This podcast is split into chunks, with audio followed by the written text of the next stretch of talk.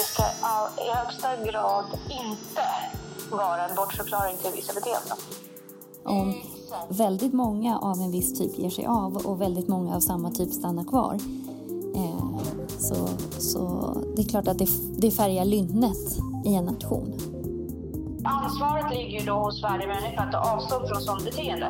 För börjar vi haka på och tycker att det här är lite intressant och spännande, ja men då, då bidrar vi. Det blir som äh, egentligen som mobbing i skolan. Om du är tyst så är du med. Sociala medier som ger då dopaminkickar och så färgar ju samhället i att bli faktiskt, alltså få dålig integritet och eh, ja, men bli lite ohyfsad.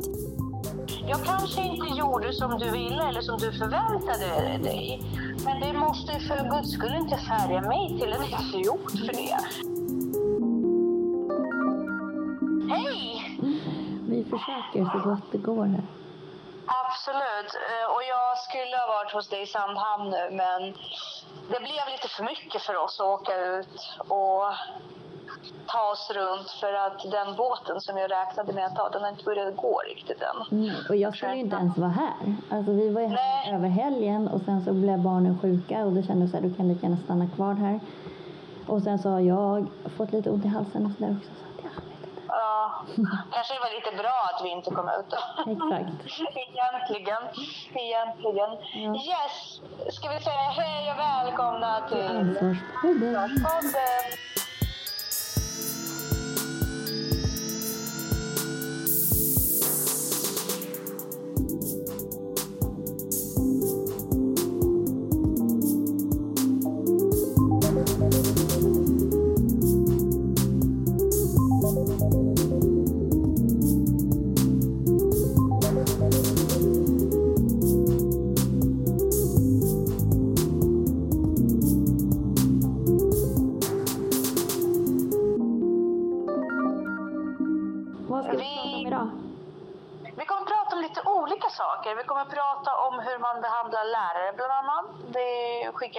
Jätteintressant artikel till mig förut som jag tog del av. Mm. Eh, insändare var det ju mer liksom. Och sen så ska vi prata om hyfs överhuvudtaget, hur man beter sig som vuxna. Mm. Och sen så ska vi ta upp ADHD, både bland barn och även vuxna. Och hur man inte ska använda det som en bortförklaring till någonting. Därför att det är någonting som, ligger, som finns i väldigt många, dragen som finns ganska många hos oss. Eh, I ganska många av oss ska jag säga. Och eh, det, lär, det, är bara ett sätt att eh, se verkligheten på egentligen och man måste lära sig att kunna hantera det. Men eh, det ska all, i högsta grad inte vara en bortförklaring till vissa beteenden. Nej, alltså det är ju en förklaring för en själv varför man kanske inte fungerar som alla andra och att man vidtar åtgärder. Men annat. Och att man kanske reagerar så, så som man förväntas många gånger. Uh, men det, är ju, det handlar ju faktiskt inte om att man ska få någon form av uh, slack från samhället för att du råkar ha en annan sätt, en annan perception av verkligheten. Nej, men det handlar mycket om att man vill bli accepterad. Det vill ju alla människor. Men då måste man ta för givet ja. att man också försöker bli accepterad samtidigt som att folk utgår från att man vill bli accepterad. Så att det måste ju finnas ett givande och tagande från båda håll. Men jag tänker så här, har man bara lite skön människosyn och är tydlig så är det ju inget problem. För handlar i grund och botten om det. Mm. Men, men samtidigt kan det vara väldigt svårt för vissa att förstå de här ADHD-dragen eftersom det är väldigt främmande för vissa människor. Jag vet att jag förvisso har snackat väldigt mycket om det här med min man mm. som absolut inte har några drag av ADHD på riktigt. Och han är väldigt lugn och sansad. Och saker och ting kommer rätt långsamt i hans värld och han är väldigt bekväm med det. Mm. Han har ju verk, han har ju under väldigt många år trott att jag rent av är barnslig och eh, otålig. Mm. Eh, nu säger inte jag att jag har ADHD, men jag har definitivt väldigt mycket drag av det. Men eh, ju mer vi pratar om det, ju mer han läser om det, så, så förstår han. Han bara, herregud, det här är verkligen din värld. Mm. Och så är det. Och så, eh, så får man lära sig att acceptera och leva i, i den världen. Och i vissa fall bli betraktad som lite udda eller hätsk eller otålig. Eller ja, men... Rent av oproffsigt till och med. Nej, men jag Om man kanske hanterar det. draget är väl det här utåtagerandet. Alltså, för det ser mm. jag hos min yngsta son också. Jag ser det, min bror var så när han var liten. Mm. Eh, så att, just det här att man topplocket bara går mm. väldigt ofta. Eh, mm. och att det liksom, de flesta kan ju lägga band på sig. Men här blir det ju att de liksom har sönder något eller smäller till någon eller så. Alltså som barn. Sen så de flesta växer ju ifrån det. Förhoppningsvis och att det inte övergår till någon form av skadlig beteende heller. För det är väldigt viktigt att hålla reda på det, att man inte knäcker självkänslan och ja, för man börjar självmedicinera och så. Precis. Men jag tänkte så här, jag har ju eh, läst en bok av Anders Hansen, den mm. har ju du också läst, mm. som heter Fördel ADHD. Mm. Och den utgår, han utgår ju ofta väldigt mycket från evolutionistiska eh, teorier, vilket jag tycker är ett väldigt intressant sätt att förstå olika mentala tillstånd på. För han menar att hjärnan, men det har vi pratat om förut också, både han och Simon Kajage, menar ju att eh, hjärnan inte är bara den, den, kom inte till en dag i den varianten som den ser ut idag utan det var ju massor, eh, miljontals år av evolutionistisk process. Mm. Vissa saker kom till, vissa försvann. Mm. Och när vi bodde på savannen så var, fanns det behov av att vissa i flocken var jägare. Mm. Och eh, gick ut och hade liksom öronen på skaft och eh, spanade efter faror tog in mat, fångade en kanin här och där. Och att i vissa av oss än idag är de här jägardragen väldigt fram, framhävade. Liksom. Mm. Och man, man, är inte lika, han menar på att det här bottnar i slutändan i att man är inte lika mottaglig för dopamin och därför jagar man kickar hela tiden. Mm. Och det har ju också att göra med att uppmärksamheten skiftar. Man är hela tiden på jakt efter ny information och det var ju för att man var ute hela nätterna egentligen och spanade. Så att människor med ADHD är ju i ständig spaningsläge kan man säga. Efter faror, efter mat och så vidare. Ja men precis och det behövs ju också för att annars det kan ju gå väldigt långsamt också. Det är ju Absolut. Uh, och det, det, är ju en av dragen som han liksom beskriver. Men samhället har ju förändrats. Vi, inte, vi lever inte lika farligt och vi behöver bara gå till affären för att handla mat. Så att många av de här uh, dragen övergår idag till ångest, mm. prestationsångest, mm. koncentrationssvårigheter och andra svårigheter. Men uh, man ska lära sig att acceptera det. Exakt. Uh, en annan sak är ju att barn med ADHD, mm. som diagnostiseras med ADHD, oftast växer upp och lär sig att hantera det. Det är också som, det, impulserna är svårast att kontrollera när man är ett barn. Mm. Men då gäller det också att växa upp i en miljö som är väldigt mottaglig för det här och ger en marginaler för att öva in det. Det är ju helt meningslöst att stoppa ett sånt barn i ett klassrum under förutsättning att det ska sitta still och ta in information för det kommer den aldrig lyckas med. Nej. Nej men och sen så också den delen som hanterar impulskontroll i hjärnan mm.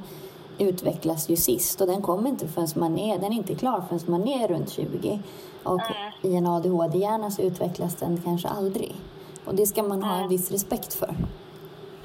Ja, precis. För att i slutändan, om man nu inte blir en jäg jägare på savannen så är det en funktionsnedsättning i dagens samhälle. Mm. Därför att behoven har förändrats så mycket. Och eh, de människor har tufft och beroende på hur tufft man har det, utifrån det får man ju också diagnos. Därför att det är inte alla som har drag av ADHD får diagnos ADHD. Nej men precis, du får ju bara diagnosen om du inte kan hantera det, om du inte hittar verktyg för det. Mm. Uh, och det är där hans bok då, Fördel ADHD, är för att det finns ju otroligt många fördelar med det. Det finns ju saker man orkar som inte andra orkar och saker man löser som inte andra löser och så. Så det är ju, eh, det är ju bara ett, ett sätt att vara. Sen gäller det att hantera det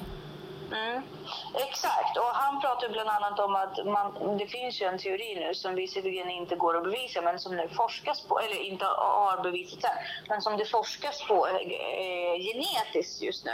Det är ju att det är tack vare människor som har ADHD-genen som gör oss mindre mottagliga för dopamin mm. som det har skett en evolutionistisk utvidgning överlag. Att vi har flyttat till andra nya marker och liksom länder och byggt olika eh, kulturer och civilisationer. Därför att eh, om, man, om vi bara hade drivits av lusten att försörja oss och ha mat, då hade vi ju ofta bara kunnat stanna kvar och, och leva under de förutsättningarna som eh, vi hade anpassat oss efter. Mm. Men det fanns alltid de här rastlösa själar som var ute efter mer och annat och hade möjlighet att göra den här hyperansträngningen eh, och ta sig vidare. Det där är jätteintressant för där kan man ju se vilka som utvandrade till USA eh, och vilka som stannade kvar i Sverige och det formar ju en befolkning också. Exakt. Väldigt många av en viss typ ger sig av och väldigt många av samma typ stannar kvar.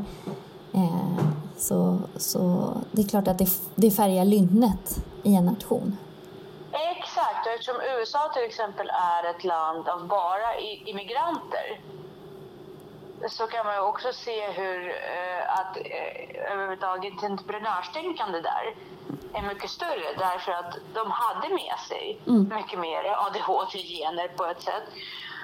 Och även eh, och det visar ju även forskningsgrunderna. Där är det, jag tror att det är ungefär 30 procent av befolkningen som något, på något sätt har diagnostiserats med ADHD. Mm.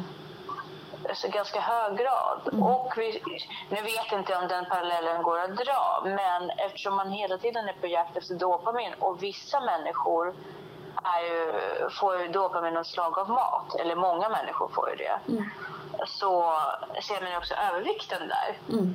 Att den är markant över den gränsen där den är i Sverige. Så där kan man också fråga sig. Det är avgörande för folk med ADHD att röra på sig. Mm. Och gör man inte det, då får man ju dopamin från extra kalorier och då ökar man ju i vikt. Precis. Men jag tänker på det där också, just det vi var inne på ansvarstagandet i samhället. Att integriteten, alltså sociala medier som ger då dopaminkickar och så, mm. färgar ju samhället i att bli faktiskt, alltså få dålig integritet och eh, ja, men bli lite ohyfsat. Mer och mer så är ju tendensen att man svarar inte på sms, man svarar inte på inbjudningar, man liksom hör inte av sig. Eh, de här sociala dreven, nu senast med Paolo Roberto, eh, att tycka vad man vill, blir som en skampåle Eh, och det, det, är inte, det är inte allmänhetens, och så var det mycket under metoo också, det är inte allmänhetens uppgift att tycka och tänka och dissekera sönder folk och kasta första stenen du som är utan synd. Liksom. Alltså det är så här, Ja, precis. Och frågan är också så här, det är ju en sak att ta upp debatten och ifrågasätta... Ja, och ifrågasätta rättssystemet och hur lagen ser ut och så.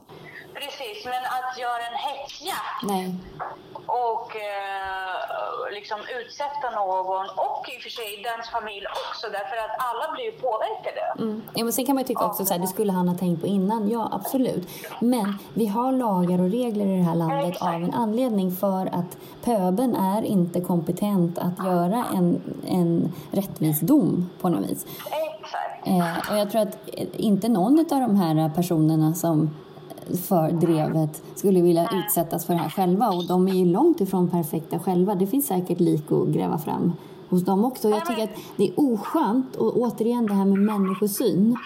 Alltså, man måste skilja på sak och person. Självklart ska man ta debatten. Eh, men, men, då ska det vara en sakdebatt. Man, man går inte in och dissekerar sönder någons Instagramflöde och tolkar vad varje inlägg betyder.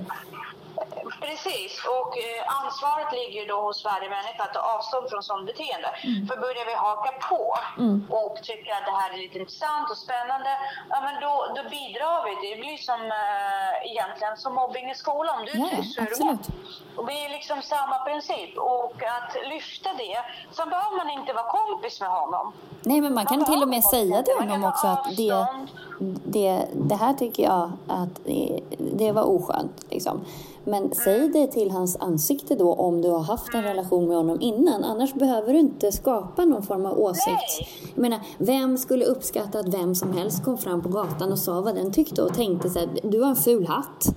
Men ursäkta, jag har inte frågat dig. Okej, man har en relation. Om du skulle säga till mig så här, du, hur tänkte du med den där hatten?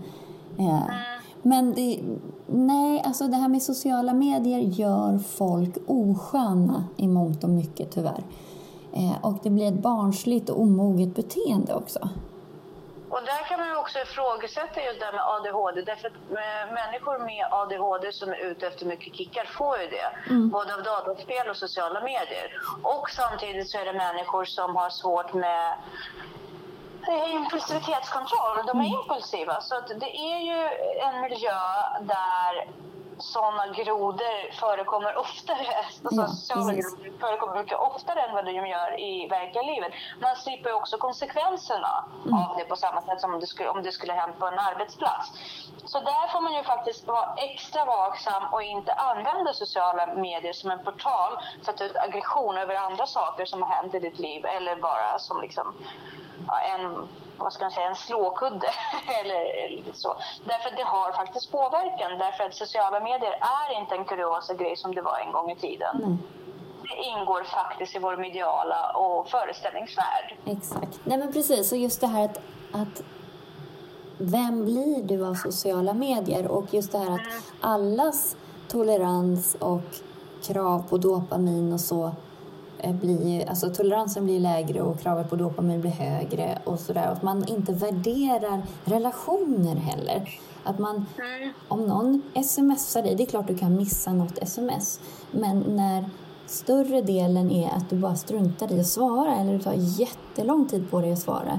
Eller med Facebook-inbjudningar till fester, det har jag sett flera gånger, att man antingen inte svarar eller så skriver man typ att jag får se. Alltså, får man en inbjudan så tittar man i sin kalender, kan jag eller kan jag inte?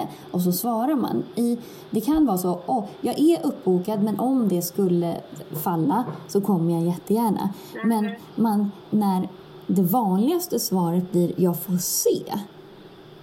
Det är ju ja, det är, ja, det är fruktansvärt ohyfsat. Det här är ja. ju liksom vissa, eh, dina vänner som vill göra någonting för dig och liksom och ställer upp och fixar och donar och vill gärna se det. Och sen så är det så här, jag vet inte om något annat väger Nej. upp högre än det just den här helgen. Det är ju faktiskt fruktansvärt.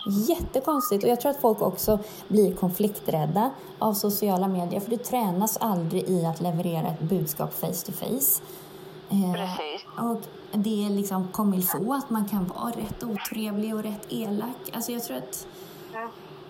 Jag tycker att man ser det i samhället nu, att det här det skadar relationer. Folk tänker inte på hur man beter sig. Jag kan säga så här, utifrån min Instagramkonto, jag har faktiskt aldrig fått otrevliga kommentarer. Uh, inte på det sättet, aldrig i mitt flöde mm. och aldrig privat. Däremot så har det kommit uh, oanständiga förslag, men det får man ju liksom räkna med på något sätt. Mm. Men aldrig att jag blivit utsatt för någonting, någon slags mobbing. Men mm. jag är inte den jag har inte de marginalerna heller. Och jag är inte så stor eller känd eller någonting sånt. Men jag måste ändå säga att jag hade förväntat mig mycket mer hat mm. uh, utifrån hur folk pratar om det här än vad jag någonsin har fått. För mm. jag har ju, som sagt, jag har ju knappt fått någon sarkastisk liten Men jag kommentar. Tror att hatet kommer med framgång. Jag tror också det.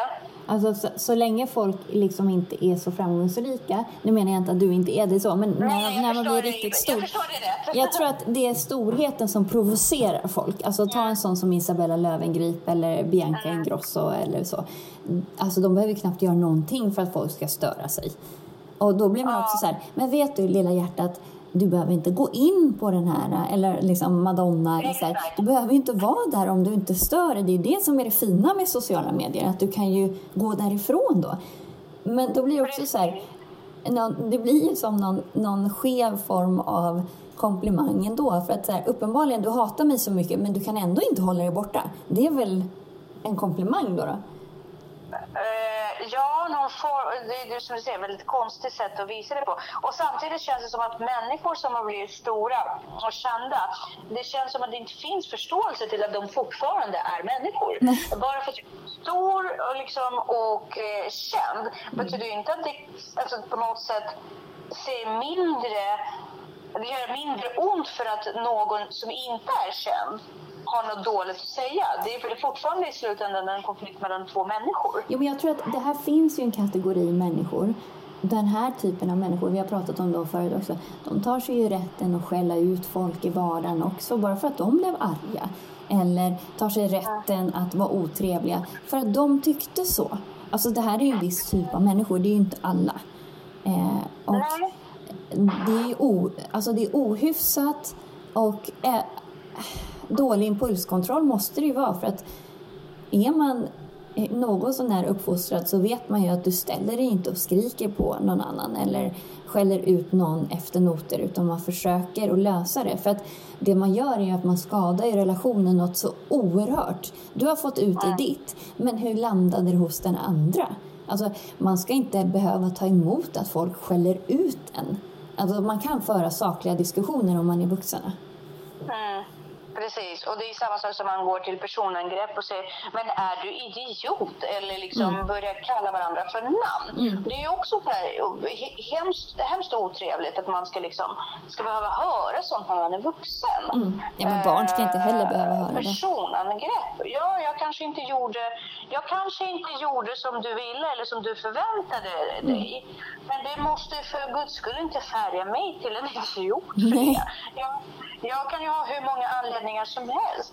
Men det, är ju, det pekar ju också eh, väldigt mycket på att man är lite snäv i sin uppfattning och eh, empati överhuvudtaget. Därför att man, kan, man har uppenbarligen problem att sätta sig in i andras skinn.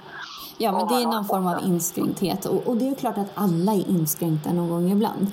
Men man måste ju vara mm. öppen för att så här, oh, Oj, nu var jag lite inskränkt här. Undrar varför, jag undrar varför den här personen gjorde så. Det måste finnas en logisk anledning, ja. annat än att den är idiot. Liksom. Precis. Och då, då går vi liksom lite in på det här som du, eh, du skickade mig om att folk har för vana nu för tiden mycket mer än förut att skälla ut lärare. Mm och liksom kräva saker från lärare och anklaga lärare på ett sätt som man aldrig har gjort förut. Mm. Lärare har blivit ett serviceyrke. Många föräldrar kommer in i skolan och utkräver service. Mm.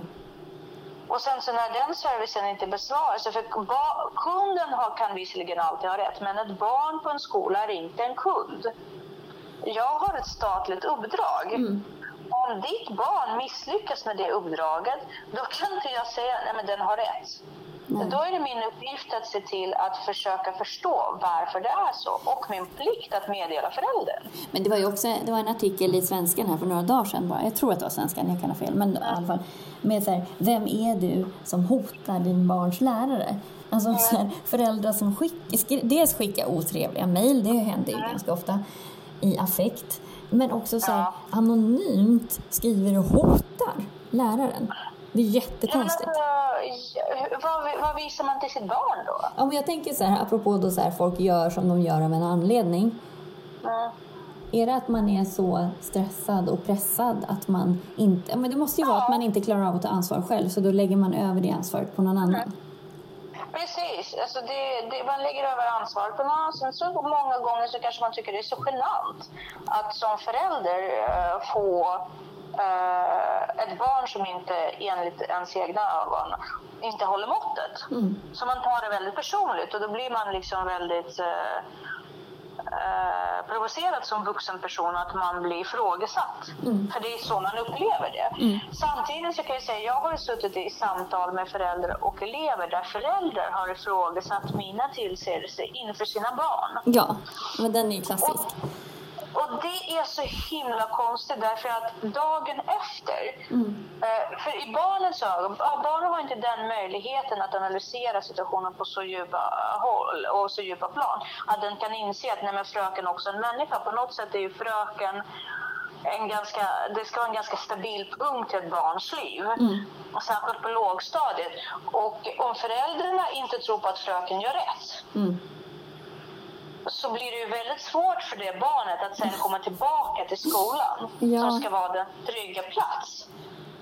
Jo, men det, det blir svårt generellt att, att på något sätt bedriva en verksamhet, alltså om det pratas om Om att... vuxna inte håller på samma, liksom, eh, inte, står inte på samma sida. Nej. Därför att då befinner sig barnet i en krigszon. Det blir Ja. lite så här skil, dålig Ja, skilsmässovibar. verkligen. Eh, och oavsett vilket, vi är människor. Nu är det så här, jag räknar med att till 100 procent att alla mina kollegor och även jag aldrig skulle ta ut en sån konflikt över barnet. Nej. Men någonstans så bottnar det i att man blir väldigt sårad. Jo, men det får, man ju ta, det får man ju också ta som lärare faktiskt tyvärr. Alltså det ingår ju lite i Ja. jobbet att hantera. Bara för att man är vuxen till åren så är man ju inte vuxen. Och vi kan ju någonstans ta, det är ju ett barn som sitter där på andra sidan bordet, även om den är 53 år.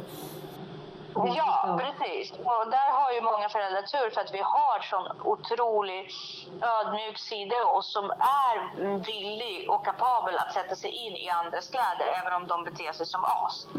Eh, därför det ingår lite i vårt yrke. Men samtidigt så blir man också väldigt utsatt i det. Därför att eh, man kan inte svara på samma sätt och särskilt inte även om föräldern skriker och har sig och beter sig fullständigt vedervärdigt så kan inte jag sänka mig till den nivå och uppträda så inför min elev. Nej, men det går inte. Nej, vilket gör att jag tappar ju en, väldigt mycket, en stor del av min auktoritet inför den här eleven. Men den någonstans får man ju ändå bygga upp, försöka jobba på ett förtroende då, som i en knasig skilsmässa. Att vissa regler gäller hos mamma och vissa regler gäller hos pappa. och Så. Men det blir ju svårt. Det blir ju svårt och jag, det, någonstans måste man ju förstå att det ingår inte i min yrkesroll. Men samtidigt, på, på den positiva sidan är, det är väl ifall man kan rädda någon då som kanske har skeva värderingar hemifrån och skolan är det stället där man kanske... Förhoppningsvis. Så att, förhoppningsvis. Och förhoppningsvis kan man också åberopa en vuxen människa i de här föräldrarna så småningom och Mm. liksom framkalla de positiva egenskaperna och börja samarbeta. Mm. Men allt det här är otroligt energikrävande och det tar ju tid från läroplanen. absolut. Men jag tror att Ska vi avsluta med att bara sådär konstatera att, att vi måste ta ansvar, vi måste bli vuxna och vi måste ha integritet och ifrågasätta oss. Alltså hur beter vi oss? Och Hur, ja. Och i all, ADHD i all ära, som sagt, många människor har den problematiken och svårigheter med impulskontroll. Men det finns sätt. ja, Det finns sätt, lär dig de sätten och acceptera att alla människor är inte varandra lika. nej, Så kloka vi är idag. eller hur? Men eh, vi eh, bryter där. Säger tack och hej. Bryter. Ha det så bra! Detsamma.